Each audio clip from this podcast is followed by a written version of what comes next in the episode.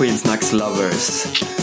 Ni lyssnar eh, återigen på succépodden Skidsnack med mig Sköld och här vid min sida idag Stenqvist. Yes, jag är tillbaks vid din sida Stefan. Det var ju inte igår vi satt vid samma bord och spelade in podd och framförallt var det inte igår vi var i våran, eh, ska man kalla det originalstudio. Ja, det får man väl ändå säga att det är. Eh, och ni kanske inte alls bryr er om vart exakt vi sitter även om vi ältar det väldigt mycket här nu. Mm. Men eh, det känns i alla fall väldigt fint för oss att vara tillbaka här i mitt kök. Precis, eh, den gamla mikron och mockamastern och sodastreamen. Man får den här, eh, den här vana skidsaxkänslan tillbaks igen. Eh, och du har hängt upp filtar som täcker över fönster och dörrar och sånt. Det, ja, Så det som känns, man gör i en sann studio. Ja, nej, men det känns fint. Det är, nog, det är väl ändå säsongens första sköld kökspodd tror jag. Det är helt sant. Ja, så att eh, nej, det, var, det, var angenämt att få vara här och få hälsa er välkomna till veckans eh, skitsnack. Det har ju hänt en del grejer sen sist kan man väl lugnt säga. Ja, vi kan väl kasta oss direkt in i händelsernas centrum. Eh, Johaugs förhör har inletts idag eh, när vi spelar in det här och Eh, vi vet ju inte så mycket om utgången här av det hela eftersom det är alldeles i inledningen.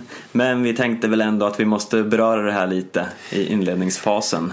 Ja men precis, det här har ju varit en jäkla cirkus som har dragit igång i Norge idag. Och eh, för det här är lite det är lite annorlunda jämfört med svenska, hur svenska dopningsfall eh, uppmärksammas eller behandlas. För att det här har de ju i Norge kört som en helt vanlig domstol som är öppen och offentlig för allmänheten och framförallt då journalister att bevaka.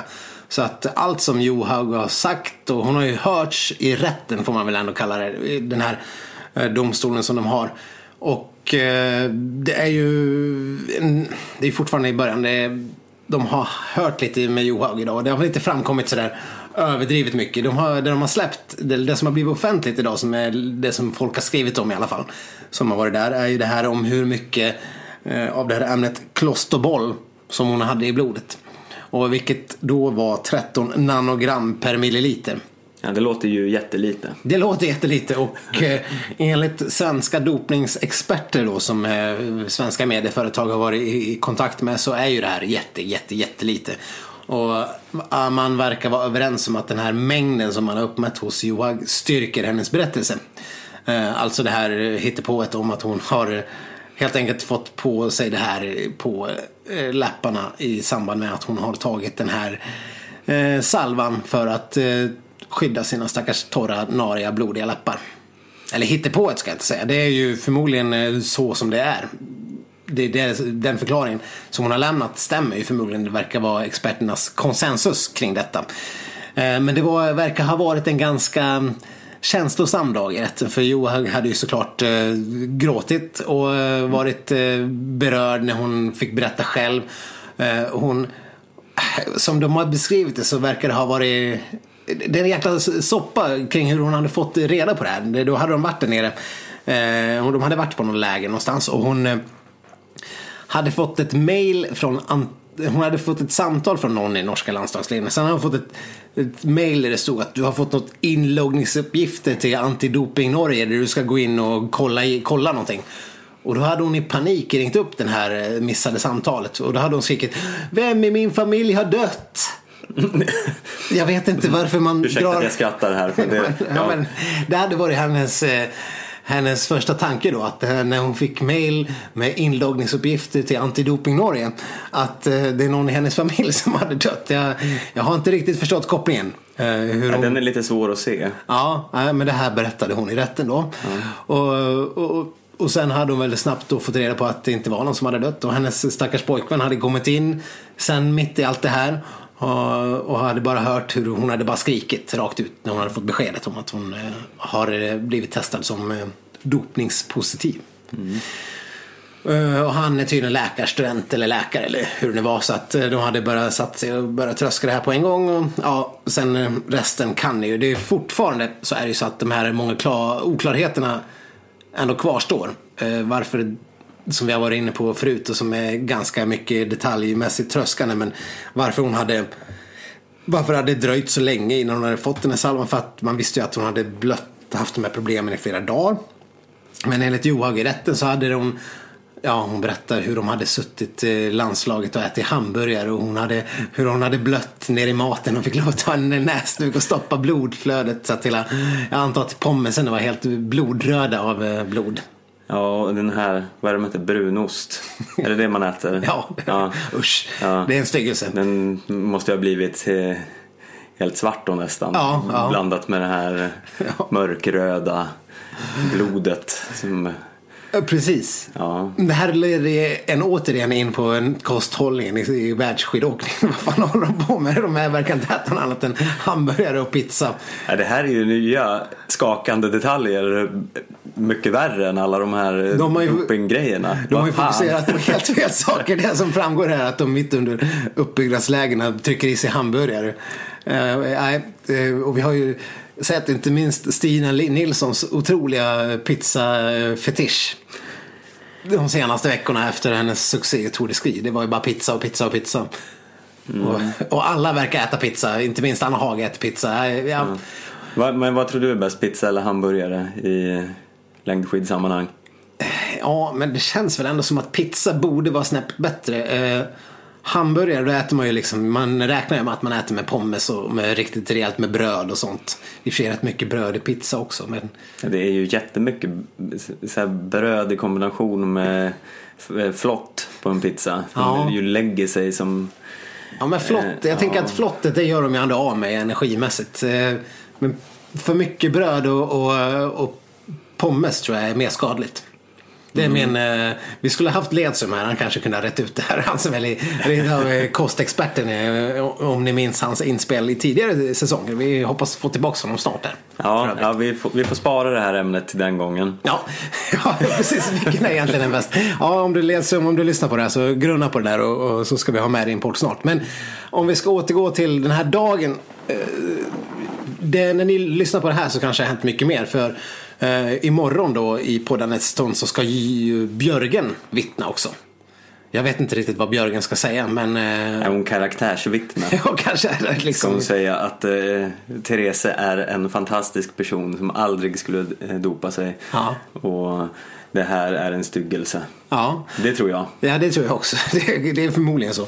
Sen hade ju Björg, Johaug då sagt i rätten att det här var liksom hennes liv var ett helt vansinne. Hon, hon, var utom sig hela tiden. Hon kunde inte, vilket vi har ju liksom kunnat räkna ut med tanke på hennes eh, självbedrägande Instagram-bilder där hon bara är jubelglad hela tiden. Och, mm. Vi hade ju sett det här sorget och svärtan i, i hennes, eh, vi hade ju läst ut det.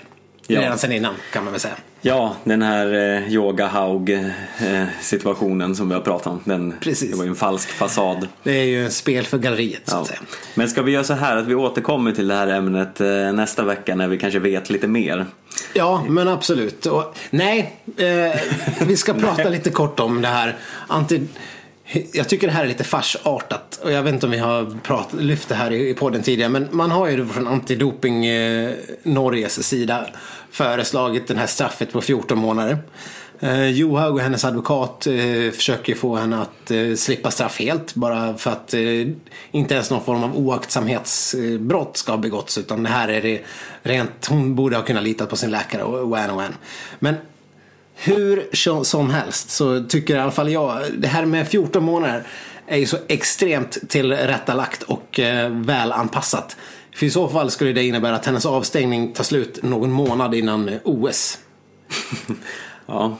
Och, och det, det liksom... känns ju som uträknat på förhand om det blir så. Ja men jag menar det. Och, och de, som, de som kommer döma Johaug det är tre stycken eh, norskar som har nagelfarits i norska medier. De har ju liksom granskat dem in i minsta detalj och varenda liten sak som de har gjort fel i sina liv har, har liksom eh, lyfts fram i medier och sånt. Men eh, jag tycker allt får lite av löjets skimmer när det är norskar som ska döma en annan norska och utdela ett straff. Jag tycker att det här blir bara fånigt. Hur utfallet än blir så måste det här lyftas. Om inte annat så Vada kommer ha möjligheten att överklaga det här till SIS eller vilka fan det nu är. Det finns ju så mycket olika instanser i allt. Men någon form av skiljedomstol för idrottens skiljedomstol helt enkelt. Eh, bara för att vi har, ju, vi har ju hört experter och folk vara inne på att det, men kanske 18 månader eller två år är liksom eh, det, det rimliga straffet för en sån här eh, förseelse oavsett vad man har för jävla hittepå undanflykter. Ja, Okej, hon har missat den här krämen, det var läkarens fel. Ja, hur som helst, hon ska ha två år. Men att hon skulle få 14 månader som straff utdelat av några andra norrmän. Det känns ju bara fel. När det, det är enligt experter det är rimliga att de kanske kan få det sänkt till ett och ett halvt år, alltså 18 månader. Så att jag hoppas verkligen att det här, oavsett vad det blir, lyfts till en ny instans där någon annan än någon norsk får sitta och döma ut straff. Mm, vi får se vad Björgen säger imorgon om det kan ändra straffet. Ja, känns det inte fånigt att hon skulle bara precis, bara som av en händelse så tar straffet slut en och en halv månad innan OS? Ja, nej men det låter ju super eh, dumt på alla sätt och vis. Men eh, ja, vi lär väl förhoppningsvis snart få veta hur det går. Ja, ja Men... nej, vi ska väl lämna det här ämnet och eh, bara dra en liten eh, snabb uppdatering om ryssarna istället. De har ju roliga saker för sig också. Ja, ryssa, ja, det är lite svårt att hålla koll på vad exakt de gör. Men de här dopingavstängda, eller ryssarna som är avstängda i väntan på utredning som har varit eh, bland annat eh, Legkov, eh, Belov och Vylegzjanin. Efter den här McLaren-rapporten. Ja, där har det hänt lite olika saker. Vylegzjanin, han har varit ute och tävlat på någon obskyr rysk tävling utan tillstånd ja. och blivit påkommen. Ja. ja, nej det var inte så smart. Nej. Eh, oklart vad som hände med det, men mm. why? Ja, nej. verkar jättedumt. Eh, Legkov får tydligen eh, träna igen i organiserade ja. former. I princip i poddandets stund kom ju den nyheten att eh, både Legkov och Belov eh, ser ut att få eh, återgå och träna med ryska landslaget men de får inte tävla. Vilket, ja, jag vet inte, jag vet inte ens hur man ska tolka en sån grej. Vad, vad betyder det? Ja, de får väl vara med i någon organiserad träning på något sätt. Ja, men, men det vad... måste indikera på någonting kan man tycka. Ja, vad... Ja, om de ändå fortfarande inte får tävla så har något förändrats egentligen? Nej. Det är väldigt oklart. Ja, mycket oklart, mycket skumt. Uh, ja, Vylegzjanin hade också varit blåsväder men det var nog mer uh, rysk som hade gjort något dumt. Uh, ja, ja, det enda jag kom på, jag, jag tyckte mig se Kriukov i någon täv- världscupstävling nyligen så hans avstängning lär ju ha hävts. Ja. Ja, det här är, det här är mycket skumt. Och där lär vi också få anledning till att återkomma. Jag vet inte hur lång tid de har tänkt ta för dem att behandla den här rapporten eller komma med någon form av utfall i någonting. Men det, det kan ju ta sin lilla tid. Mm. Rättvisans kvarnar mal sakta men de mal i alla fall på. Det gör de och förhoppningsvis kan vi komma med några fler detaljer nästa vecka. Ja, nej, tyvärr tråkigt ämne men vi kommer få anledning att återkomma. Det har ju varit eh, storslagna tävlingar i Ulricehamn i helgen. Hyllad av alla, ja. överallt för det stora publikengagemanget och den fantastiska, den fantastiska stämningen. Det är till och med bättre än Holmenkollen ja. pressar de svenska reportrarna fram ur norrmännen att nästan säga. Ja, nej det, var, det är som vanligt. När Sverige lyckas med halvt med någonting då växer storhetsvansinnet eh, liksom våningshus efter våningshus våningshus av höjd på hur mycket vi vill klappa oss själva på axlarna och tycka att vi är duktiga. Mm. Jag såg när Popsen stod och försökte liksom pressa Björgen, var det Björgen? Eller någon? Ja, det var Björgen. På att ja, men det, till, det sägs att det är till och med bättre stämning än Holmenkollen. Ja, vad säger du? Är det det? Hon bara, ja, ja, det är akkurat väldigt trevligt men kanske inte lika gott som över. Ja, men kom igen nu. Aha. Så står de där och, och skojskrattas lite grann. Mm. Ja, det såg ut att vara väldigt fin inramning, det får man säga. Men var det bättre än Holmenkollen, Stefan? Eh, svårt att säga, eh, men det var ju förmodligen bättre än när vi var där senast i alla fall. Eh, dimkaoset som vi ja, råkade ut för. Då vi var på plats men såg ingenting. Nej, nej det var ju travesti i skidtävling. Ja. Men eh, det verkar ha varit eh, däremot desto finare i Ulricehamn. Och det får man väl säga. De hade ju sålt över 50 000 biljetter och det är ju det är ju ganska imponerande. Det, det var ju, vi var väl eh, vi, var du på VM i Falun? Det var bara jag. Det var nog bara du. Det var bara jag. Och det var ju också en eh, magisk bra stämning. Var ju även på förra årets världscuptävlingar där. Det var inte lika magiskt bra men det var ändå bra. Bra med tryck liksom. Men det här verkar ju ha varit något i hästväg.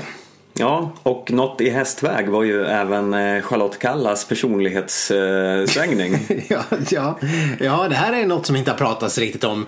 Eh, men vi, eh, vi skickade lite sms sinsemellan om att hon, hon verkar vara nya, nya glada Kalla. Ja, hon är inte bara nya glada Kalla, hon är nya vältaliga, hon, eh, superkalla som i intervjuer framstår som någon form av Svenska Akademin-ledamot. ja, ja, ja, men eh, absolut så. Hon, eh, Eh, hon har ju fått ta, stå ut med en del spott och spe i den här eh, podden eh, den här säsongen. Ja, vi har ju till och med lovat att sluta prata om henne.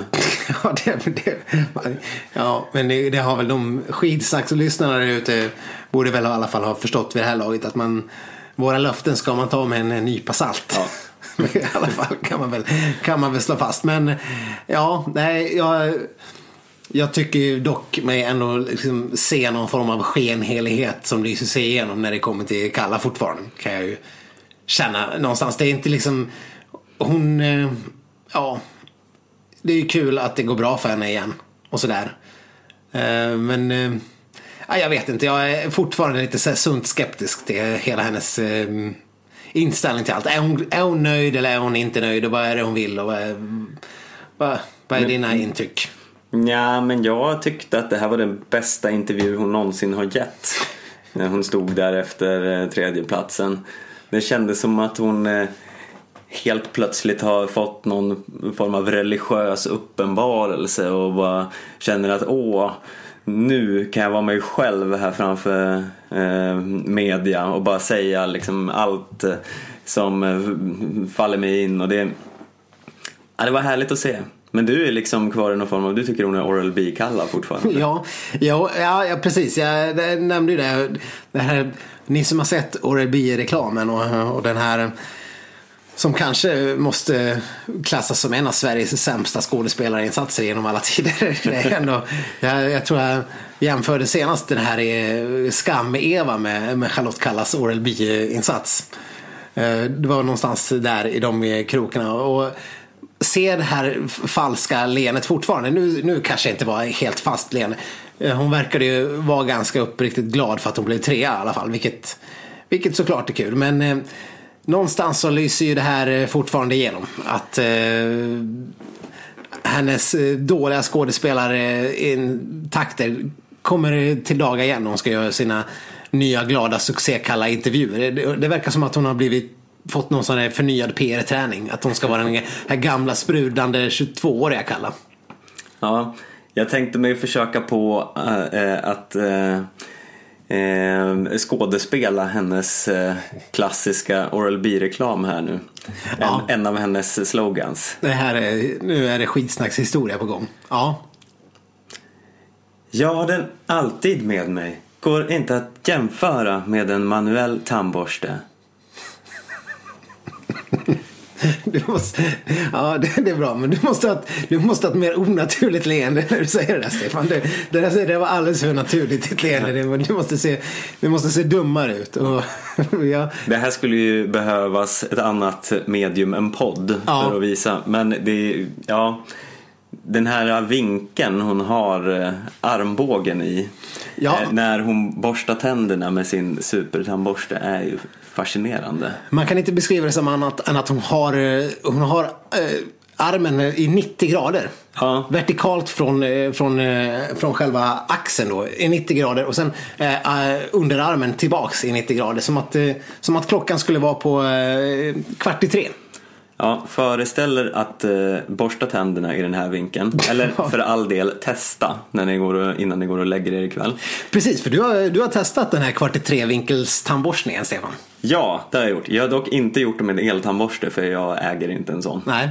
Hon har inte sålt in mig tillräckligt väl så jag köpte en sån här Oral-B eltandborste. Nej. Men jag testade med vanlig tandborste och jag antar att det är ungefär samma princip.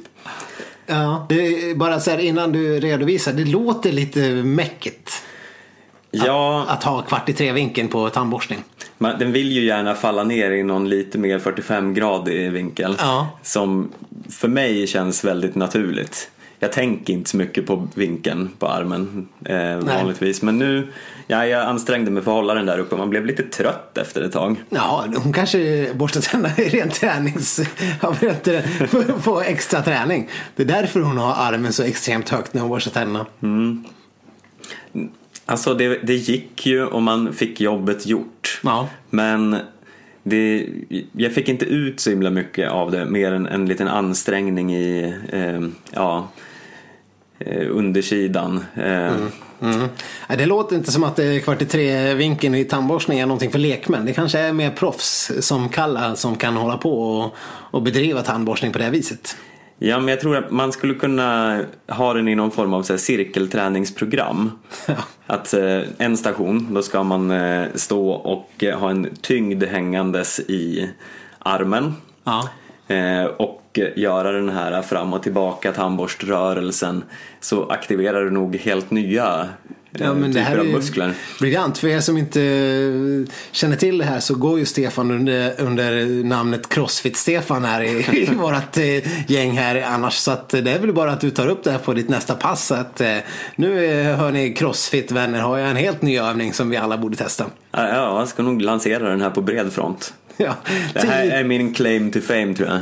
Ja visst, snart kommer alla crossfit-pass världen över ha, ha den nya eh, tandborstövningen som en naturlig del av programmet. The Charlotte. The Charlotte. Eller The Sk- Sköld. The sh- Sköld Toothbrush Move. Ja, det kommer bli storslaget. Ja. Eh, och du, nej, det ser vi fram emot. Men det, ja, eh, det här hade ju inte så mycket med själva Nej. helgen att göra. Men utöver det här med att hon var glad och sprudlande så lyckades hon ju även kasta skit på Hanna Falk i förbifarten. Det var ju någon form av årets bästa utspel ändå får man säga. För det, är ju, det ger ju grund till en hel mängd spekulationer och diskussioner som man jättegärna vill ha. Men det var väl när eh, Thomas Pettersson på Expressen började eh, trycka på eh, mot Kalla om ett möjligt stafettlag inför Lahti. Och, och Kalla Ja, den här nya medieträningen som jag pratade om verkar inte ha gått fullt ut över alla kanaler hur man ska medietränas. För att eh, när det gäller att hålla käften om eventuella stafettuttagningar så hade hon inte fått den memon så att säga. Nej, eh, hon, eh, för det, eftersom Hanna Falk gjorde så bra ifrån sig så eh, vill ju alla hylla hennes eh, prestationer och höra om hennes eventuella chanser för en stafettplats. Men eh, Kalla slog ju ner dem direkt och sa att hon borde petas. Ja, in med Ebba sa hon. Ja, in med Ebba som inte åkt ett enda världscupslopp. Och då säger Thomas Pettersson, ja så du vill ha in Ebba?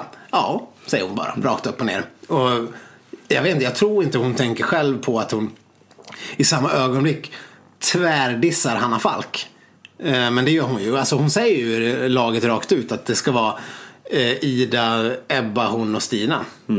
Det är ju det är det hon säger. Hon vill bara helt enkelt från laget som var nu i Ulricehamn då, byta ut eh, Ja, Hanna Falk åkte i sista säcken. Den hade hon inte varit aktuell för i, i, något, i något sammanhang.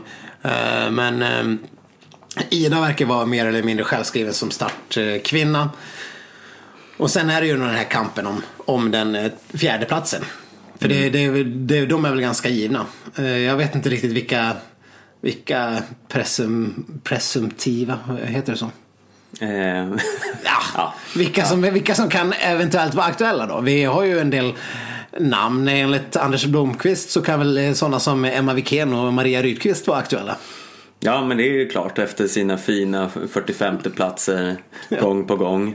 Ja, Så ja, men har man en gång varit med då är det svårt att inte ja det, Eh, det är rena Rickard Grip-uttagningarna där som, som Ja. råder i Ja, nej, hur kan man fortfarande prata om Emma Wikén som en potentiell någonting? Hon borde inte åka ett världscuplopp till i sitt liv. Nej, bort med henne.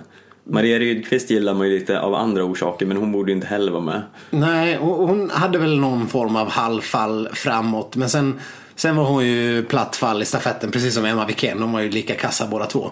Tog Sveriges lag två bort från alla möjliga tätchanser. Och jag förstår inte riktigt varför de är med. För att eh, Maria Rydqvist, hon har ju som sagt redan lagt av. Och henne gillar vi ju bara för att hon är frispråkig och säger bra, roliga saker. Emma Wikén tillför ju ingenting. Nej. Hon är ju bara, hon är bara i vägen. alltså, Ja, jo men eh, faktiskt. Eh, det är hon ju. Och eh, där får vi säga att vi är väldigt, eh, in, ja, vi är lite med kalla här ändå skulle jag väl säga. Vad säger du om Ebba? Ja, ja men det är ju det. Nu är väl hon borta och ska åka U23-VM här. Och jag eh, får väl vänta med att eh, få någon form av... För jag menar det enda vi har sett av Ebba Andersson den här säsongen det var ju när hon kom tvåa efter Kalla i, i premiären där va. Mm. Och, Ja, hon eh, vann ju ett lopp också. I, eh, någon ja. i, i Europacup eller vad det var. ja men hon vann ju Ja, i S- Bruksvallarna. Ja, Bruksvallarna, just. Ja. Ja, men jag menar vi vet ju inte, hon får inte i, som sagt i, i Rickard Grips fascistregim som kallas skidskyttelandslaget så får ju inte hon någon plats. Nej, eh, jag skulle jättegärna se Ebba i en stafett men då vill man ju se något innan. Ja. Hon borde ju få åka någon världscup så man får eh, eh, något litet kvitto. Ja, men eh, hon kanske sopar rent här i VM. Eh, Det är ju som sagt nu. Så då kanske hon får chansen. Men jag menar, sen finns det inte så mycket världscuptävlingar att prata om eh, kvar. För att i helgen har vi Falun. Och sen, sen är det ju de här hittepå-tävlingarna för OS. Tror jag det brukar kallas. När det är säsongen innan OS-säsong. I Pyeongchang. Men eh, jag gissar att eh, ingen av de etablerade svenska åkarna kommer att åka dit. Eh, det kanske är tanken att Ebba ska få chansen. Det känns ju lite taskigt att skicka henne till Sydkorea liksom för att få testa på att vara med i landslaget när inte någon annan kommer vara där. Liksom. Det kommer vara de här Jonna Sundling och, och eh, de typen av personer som kanske till och med Jenny Öberg får chansen. Ja, det är inte alls omöjligt. Det var ju ett sånt tillfälle hon gick och vann. Eh, om det var förra säsongen. Precis, en sån här eh, tävling innan VM när de som vet att de ska få åka VM är hemma och laddar och slipar formen. Så jag vet inte riktigt hur vi ska kunna få till att Ebba ska få en eh, stafettsträcka men eh, har hon det i ditt lag? Eh, inte än, men hon är en stark kandidat. Ja. Jag tycker ju att det var helt rätt att ha Sofia Henriksson i den här stafetten. Eh, även om vi inte har fått se så mycket av henne heller. Men eh, vi, vi vet ju att hon har en nivå att plocka fram. Ja, men hon tappade ju lite här. Det gjorde hon visserligen, men eh, det var ju ingen katastrof. Jag hade ju varit betydligt mer orolig om Emma Wikén hade varit där. ja. ja, det får man ju verkligen säga. Eh, nej, då, det är väl det är väl så. Det är, men nog finns det väl eh, Ida på första är klar, Kalla på tredje och Stina på fjärde är väl klara. Ja.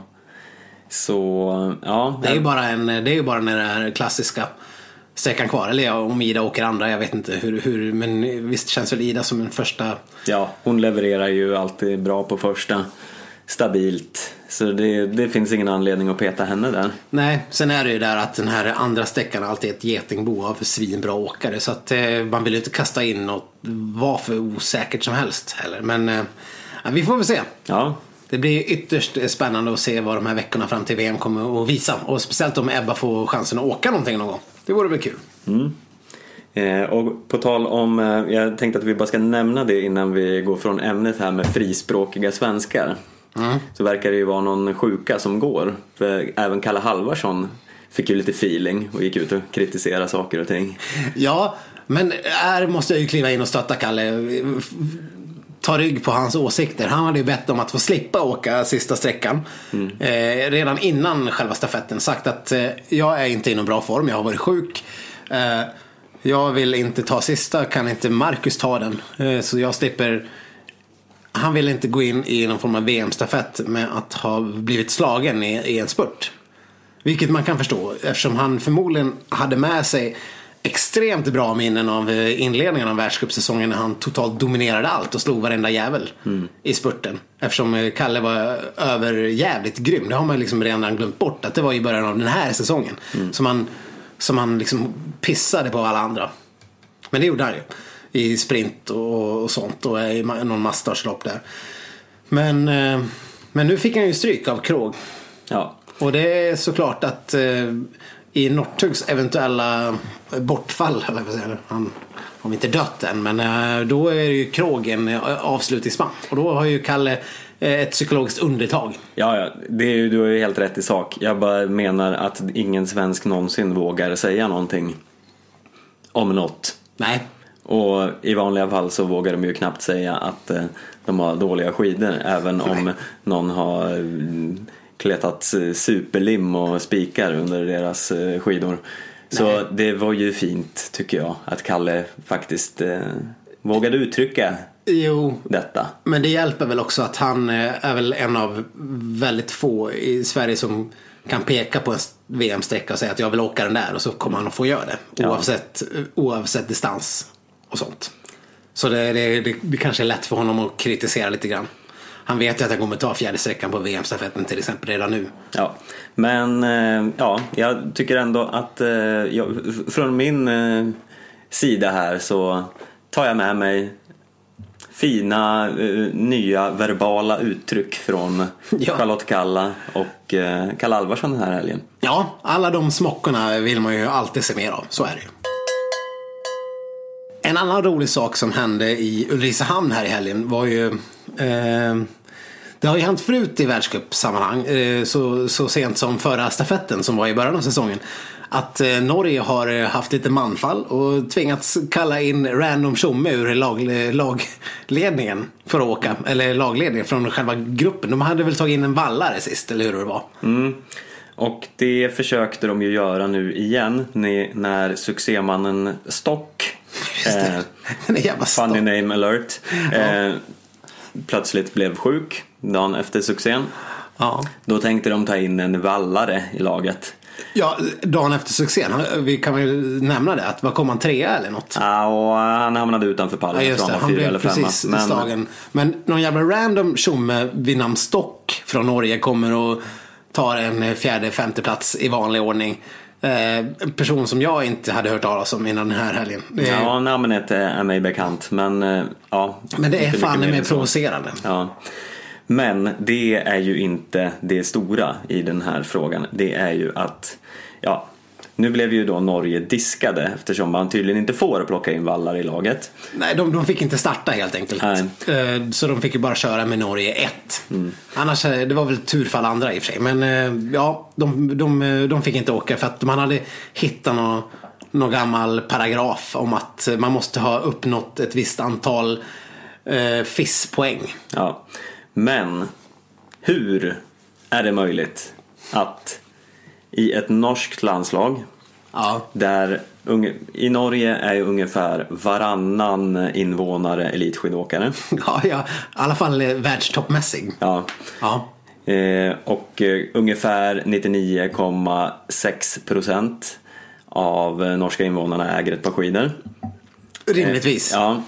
Eh, Det och- måste väl finnas någon liten gammal gnesig sur stackare någonstans i någon fiskehålare som, som kanske inte aldrig har riktigt fattat tycke för skidåkning och bara tycker att långfärdsskridskor är grejen eller att man lika gärna kan gå på tur utan skidor. Ja, kanske. Kanske någon Ja, liten sån. Kanske någon, men Någon inte var- säkert. Någon som var riktigt sur och blev retad som Ja. liten. Men eh, hur kan det vara så att man behöver plocka in en vallare? Ja. Ulricehamn ligger, jag har kollat där, 3 timmar och 45 minuters bilfärd från Holmenkollen. Ja. Ännu lite närmare norska gränsen, det är nog bara två och en halv timme tror jag. Ja. Eh, det måste väl gå att bila ner någon, någon med någon form av skidtalang för att köra den här fjärde, eh, fjärde sträckan.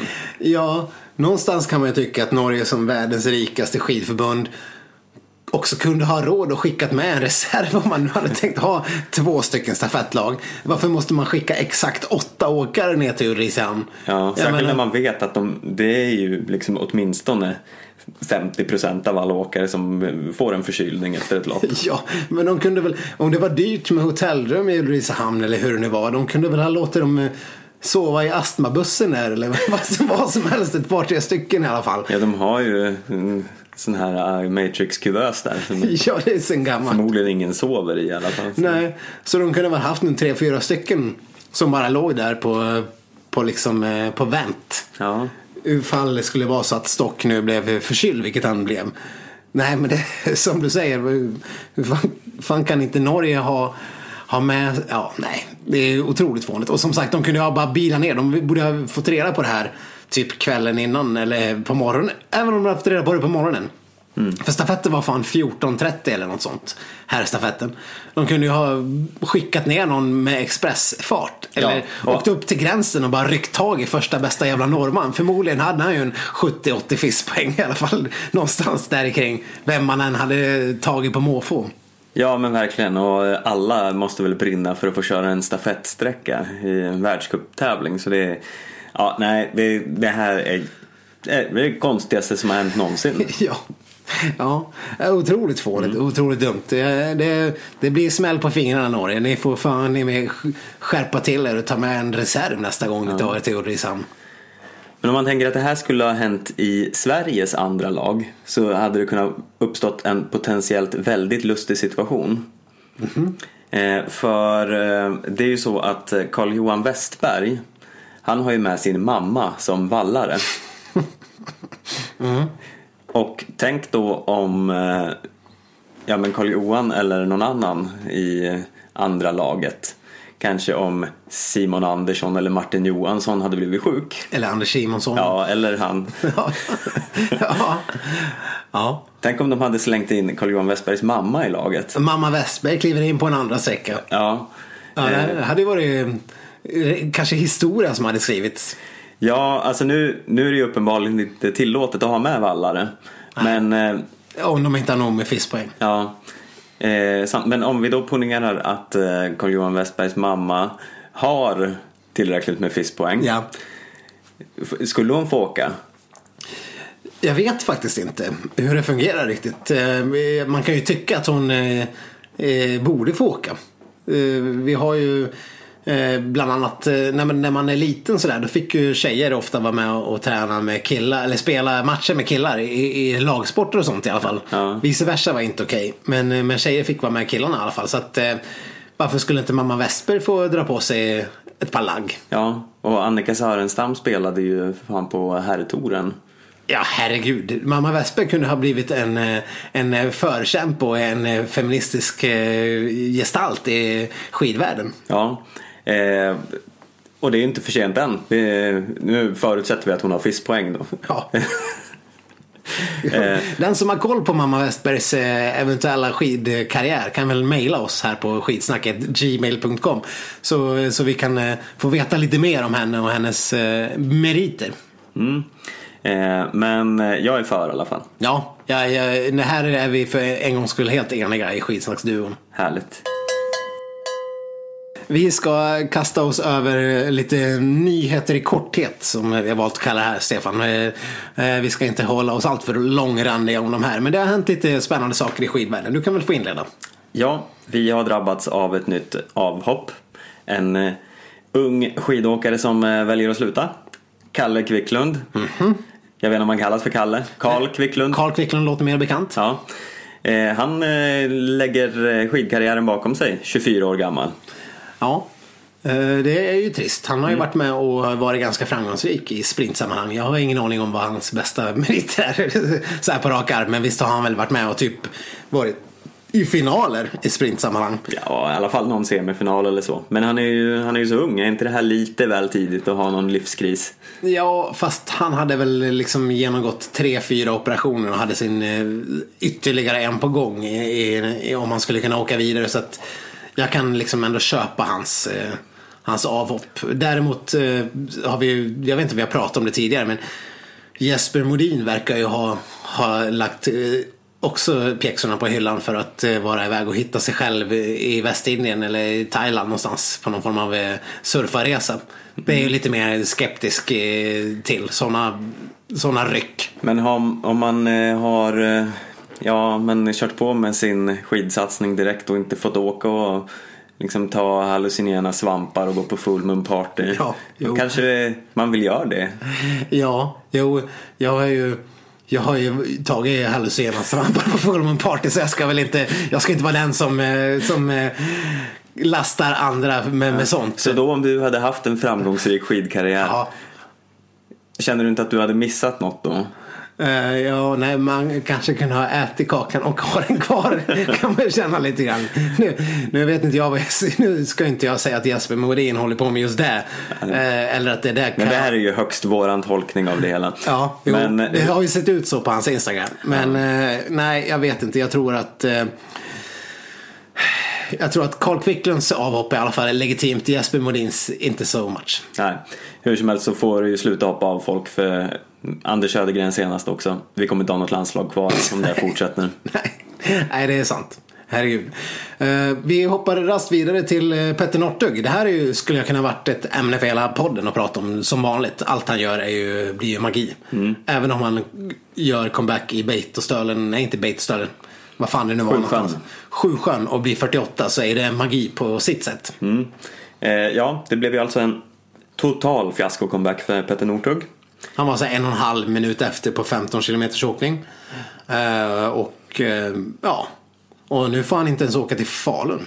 Nej, eh, han hade velat delta i världscupstävlingarna i Falun men är inte uttagen på grund av stor konkurrens. Och han är förbannad meddelar hans tränare Stig-Rune Kven. Mm. Och ja, eh, Svinförbannad eller något sånt där Ja. jag läste. Han var o- orimligt, ohyggligt arg. Ja, och visst han är ju Petter Northug och eh, räknar med att få göra allt han vill. Men det är ju helt rätt. Jag menar norska landslaget. Det är svårt att ta sig in där. Om man kommer 44 i någon jävla nationstävling så Ja. då förtjänar man inte åka världscup. Nej. Det är, det är lite så svårt att veta vad man ska tycka i ämnet. Nortu kommer ju åka till VM i vilket fall. Han är ju automatiskt kvalificerad för att få åka sprint och fem mil i alla fall. För han har en fri plats. Eh, Så huruvida han kommer vara på en stafett eller inte, det kommer nog den här första sprinten var ganska direkt avgörande. Men sen, sen får man ju se, tänk om han misslyckas i sprinten. Han kanske, han lär väl kämpa sig vidare från prologen men han kanske drar, drämmer ut rakt i en kvartsfinal. Det, man har ju svårt att tro det för att han skulle nog kunna ta sig till en final på, på ren jävlighet bara. Ja. Men, Men, eh, men kommer han att få åka 15 km loppet sen några dagar efter? Det vet man inte. Ja, det, det blir intressant att se hur han kommer ställa sig, hur han kommer vara där på sprinten. Men det är ju helt naturligt att han inte får åka Falun. Det är väl bättre att släppa fram lite nytt folk. Absolut. Och det här pratade vi om redan förra veckan och nu så säkert nästa vecka också. Men nu, nu lämnar vi det, det här i alla fall. Ja, korthet. Nyheter i korthet var det. Ja, Ja. fortsätt. Kanske den största nyheten i veckan. Eh, stora delar av, eh, om man ska säga lite B-halvan av eh, amerikanska landslaget. Däribland eh, Noah Hoffman, Eric Bjornsen, Andy Newell och Liz Steven.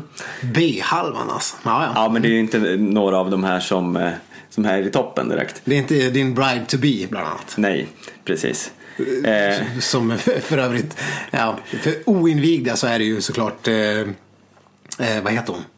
Jessica Diggins. Jessica Diggins vi pratar om. Ja. Ja, nej. Nej, hon var inte med. Eh, nej, de här, det här gänget de eh, har i dagarna varit och besökt Falu koppargruva Ja. och fått sig en liten historielektion. Fick de se Fet-Mats tror du? Fet-Mats. Ja, jag kan... Fet-Mats, hallå?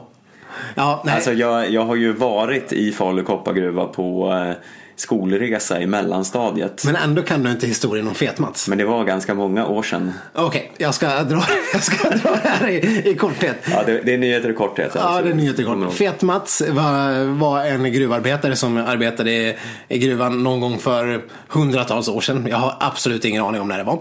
Eh, Men hur som helst så var det eh, ett eh, sk- jordskred i gruvan. Fet-Mats och några till, eller om det bara var han, blev instängda och försvann. Eh, de hittade aldrig dem igen. Eh, Fet-Mats eh, blev dödförklarad och saknad och av nära och kära. Men hur han, ödet som hade drabbat honom fick aldrig någon klarhet riktigt i vad som hänt. Förrän 60 år senare när de gräver fram Fet-Mats. Men då har han hamnat i någon form av vakuumrum i, nere i gruvan. Det är väl på flera hundra meters håll någonstans nere i något jävla bergrum. Eh, vad, vad gör man då? Då konkar man upp uh, Fet-Mats som är i liksom mint condition. Han ser ut som han gjorde när han var 22 när han blev nedstängd i gruvan. Det här är 60 år senare. No kidding. Vad hände sen? Jo, hans fru kommer förbigående, 80 år gammal och säger Men vad fan, det är ju min man. Fast han är 22 fortfarande. Det här är ju helt sjukt. Eh, och, och ja, så hon levde och hon såg att det där var fet-Mats eh, och sen resten är så att säga historia. Ja. Och han, jag vet inte om han, jag tror han är typ uppstoppad och är någon form av utställningsfigur. Får man stoppa upp människor? Det kanske man inte får göra, jag vet Ja, inte. jag tvivlar på det. Han, Men kanske, han kanske står, han kanske är i något sånt där rör fyllt med vätska som man ser i otäcka filmer. Jag har en känsla av att det inte heller är riktigt tillåtet. Men Jag eh, vet inte. Hur som helst så finns Fet-Mats kvar. Han står där nere i gruvan som någon form av morbid påminnelse om att det är ett farligt eh, arbete att vara gruvarbetare. ja. Eh, och ja, det, vi vet ju inte för de har inte skrivit något om just det här. Men Och han kallades Fet-Mats för att han var fet. ja, det eh, förstod jag faktiskt. Så Ja. det, ja, vi vet inte om eh, Hoffman, Björnsen, Newell och Steven har eh, fått lära sig historien om Fett Mats. Fet-Mats. Eh, Nej. men vi förutsätter det och att de åker tillbaka sen efter säsongen med lite ny kunskap i bagaget. Ja. ja, det var ju ett roligt inspel. Vad, vad är nästa korta nyhet, Stefan? Eh, ja, det är ju vårt stående inslag eh, eh, veckans Dessa bara schluff. Just det. Jag visste inte om att det här var ett nytt stående inslag, men jag, ingen är gladare än jag att det är det. Ja, nej men eh, veckans succémänniska i eh, eh, vårt eh, kära damskidskyttelandslag är Anna Magnusson. Ja, du menar landslaget med världens kanske eh, största bredd. Precis, eh, och det blir ju bara mer och mer sant för varje vecka. Historien ska ge Ola Brännholm rätt. Ja, Om det är någon tvivlare där ute. ja nej men hon eh, klev ju in och blev eh, sjua. Eh, och ja, det kändes inte som det var särskilt svajigt heller. Hon var med där uppe och det kändes som att ja, det är där hon, hon ska vara. Och eh, sen tyvärr för den här sensationella bredden som, eh, som är i antågande så gick det ju inte så jävla bra i stafetten. Mest till följd av att eh, Sloof herself Nej. flunkade lite Nej. på andra skyttet. Ah, ja. Men eh, ja, vi har i alla fall eh, två eh, världsnamn i Öberg och Magnusson nu för tiden och som vi kan helt enkelt bara räkna med tio toppplaceringar vecka ut och vecka in. Ja, Kul. och VM är ju bara en vecka bort, eller ett par veckor bort. Mm. Så där räknar vi med medalj. Ja men verkligen. Och apropå skidskytte så har du en annan liten spaning eh, också med Fredrik Lindström. Däremot eh, var det inte någon nå, nå succé som eh, ligger till grund för att han ska omnämnas här. Mm, nej, man kan ju, det är så här, i skidskytte finns det två sätt att göra bort sig oftast. Ett, man åker för dåligt. Mm. Ja. Två, man skjuter för dåligt. Ja, eller en kombination. Eh, ja, det finns också. Och så finns det det fjärde alternativet. Typiskt svenskt att göra den kombinationen. Ja, ännu mer typiskt svenskt på något sätt. Det här skulle Charlotte Kalla göra direkt om hon hade till på ryggen. Eh, Så Fredrik Lindström trasslade in sig i sitt, vad man nu kallar det, gevärband. Det här som eh, geväret hänger i. Vi förstår vad du menar. Ja. Eh, Och blev nästan strypt av sitt eget gevär på spurtvarvet. Ironiskt att åka runt med ett gevär på ryggen. när Man kan utsättas för alla möjliga sorters faror, vårda skott och annat. Men då är det strypas man ska göra. Ja, han försökte och försökte för att eh, fixa till det där i farten men det gick liksom inte för det, var, det satt fast på något konstigt sätt och han åkte ju tväruselt då på spurtvarvet Ja. under den här liksom strypsituationen. Ja. Och då tänker man att ja, det, det här skulle aldrig ha hänt en annan nation än Sverige. Nej. Men du, var, du tror inte det var någon sån här eh, självutsatt, lite såhär David Carradine eh... På Lindström där. Att, han, han är, att det var någon form av fetisch. Vissa har ju såna. Eh, Du menar att han skulle ha känt någon form av sexuell tillfredsställelse av den här? Jag inte, men fatta och, om man nu skulle vara inne på strypsex så vad kan vara en större eh, succé än att åka ett världscuplopp samtidigt? Åka världscuplopp med ett gevär på ryggen och nästan bli strypt. Ja, Ja. Det, man har ju själv hur Det måste vara, erotiskt det måste detta vara absolut klimax någonstans där. Ja, nej, det ska vi inte tro att Fredrik Lundström, han har inte visat några sådana tendenser tidigare i alla fall. Så att eh, vi får väl anta att det var en, eh, en miss i arbetet. Mm. Eh, det här var nyheter i korthet. Ni kan ju föreställa er en så här rapportjingel här. Ja. Slutligen så måste vi återigen prata om en sak, Stefan. Och det är inte vilken sak som helst. Eh, Det är eh, eh, ja, en lite av en crybaby. Är det Rickard Olsson du tänker på? ja, men ja, det, precis. Jag, jag behövde bara säga crybaby så satte du han direkt. Ja. Det är nästan som att det här skulle vara genomtänkt innan. Ja, så jobbar vi inte här. Nej. Men eh, ja, det här är ju inte direkt veckofärskt. Men eh, han har ju varit, eh, han har ju gråtit ut länge nu över att han inte får åka eh, som ja, åkande reporter för SVT i Vasaloppet. Ja, precis. Kort eh, resumé så har väl helt enkelt han petats från det här uppdraget efter att ha åkt som åkande reporter i 7-8 år. Du vet när han åker med någon form av eh, ryggsäck och intervjuar folk och har någon kameraman med sig. Och han verkar själv tycka att han är Guds gåva till Vasaloppssändningen. För att eh, det här var ju den största skandalen i mannaminne. Ja, det här var ju eh, SVT, som Sovjet, Ja. skrev han bland annat. Ja. Och att det här är värre än eh, eh, Maud Olofsson i Nuon-affären. Ja, det är något Twitter-rant som kommer gå till någon form av historia. Ja. I alla fall. Och då ska man ju då tänka, Rickard Olsson tar alltså för givet då att han ska få det här jobbet från år till år. Det, här, det är ju inte som att han har en fast anställning som Vasaloppskorrespondent. Han har inte ens en fast anställning på SVT överhuvudtaget. Han är ju någon form av frilans. Men eh, att åka som å, reporter på Vasaloppet verkar tro. Han tror att han, eh, det är ingen annan som skulle kunna fylla de där pjäxorna. Nej. Eh, nu har jag SVT istället kastat in Britta Zackari som eh, ska få rapportera från spåret. Och jag har inte sett någon direkt eh, kommentar på detta från Olsson. Han Nej. kanske inte riktigt vågar sig in i personangrepp. Men jag gissar att han inte är glad över detta. Förmodligen inte. Jag ska säga att jag har väldigt lite kunskap om Britta Zackari. Jag förstår att hon är eh, tillsammans med Eriks, Erik Hags brorsa. Eh, ja, men hon är ju tv-profil eh, som eh, värvad av SVT för något år sedan. Men de hade något tv-program. Eller har hon varit tv-profil i något annat sammanhang? Ja, hon har jobbat på trean och eh, i diverse eh, program och eh, jobbar bland annat för tidningen L. Jaha, ja, men då är hon mer känd än vad, vad jag har koll på. I, I skitsammanhang är hon inget stort namn i alla fall. Eh, nej, eh, det är hon ju inte. Men eh, vad, jag, vad man har sett av eh, hennes eh, träning där så verkar hon ju i alla fall eh, veta hur man åker. Så de har ju inte kastat in ett, ett fullblodsblåbär. Nej, nej. Men det, det känns väl ändå, jag måste ändå hylla det här beslutet. Rickard Olsson. Hur fryntlig och trevlig och duktig han ändå är så kan det väl ändå efter 7-8 år var dags för ett nytt namn och varför inte eh, Britta Zackari såväl som vem som helst. Ja, det var väl eh, eh helt rätt av SVT att tänka lite nytt där. Eh, man kan inte hålla på och fastna i gamla hjulspår för all framtid. Men jag hoppas att Rickard Olsson fortsätter att eh, spilla sin ilska Ja. över internet för det är alltid lika underhållande. Ja, det är ju även så att vi kan fortfarande följa Bri Rickard Olssons eh, framgångar i skidspåren. För att eh, han har ju inte gett upp vid det här. Han ska ju istället åka för någon form av eh, reklamradiokanal.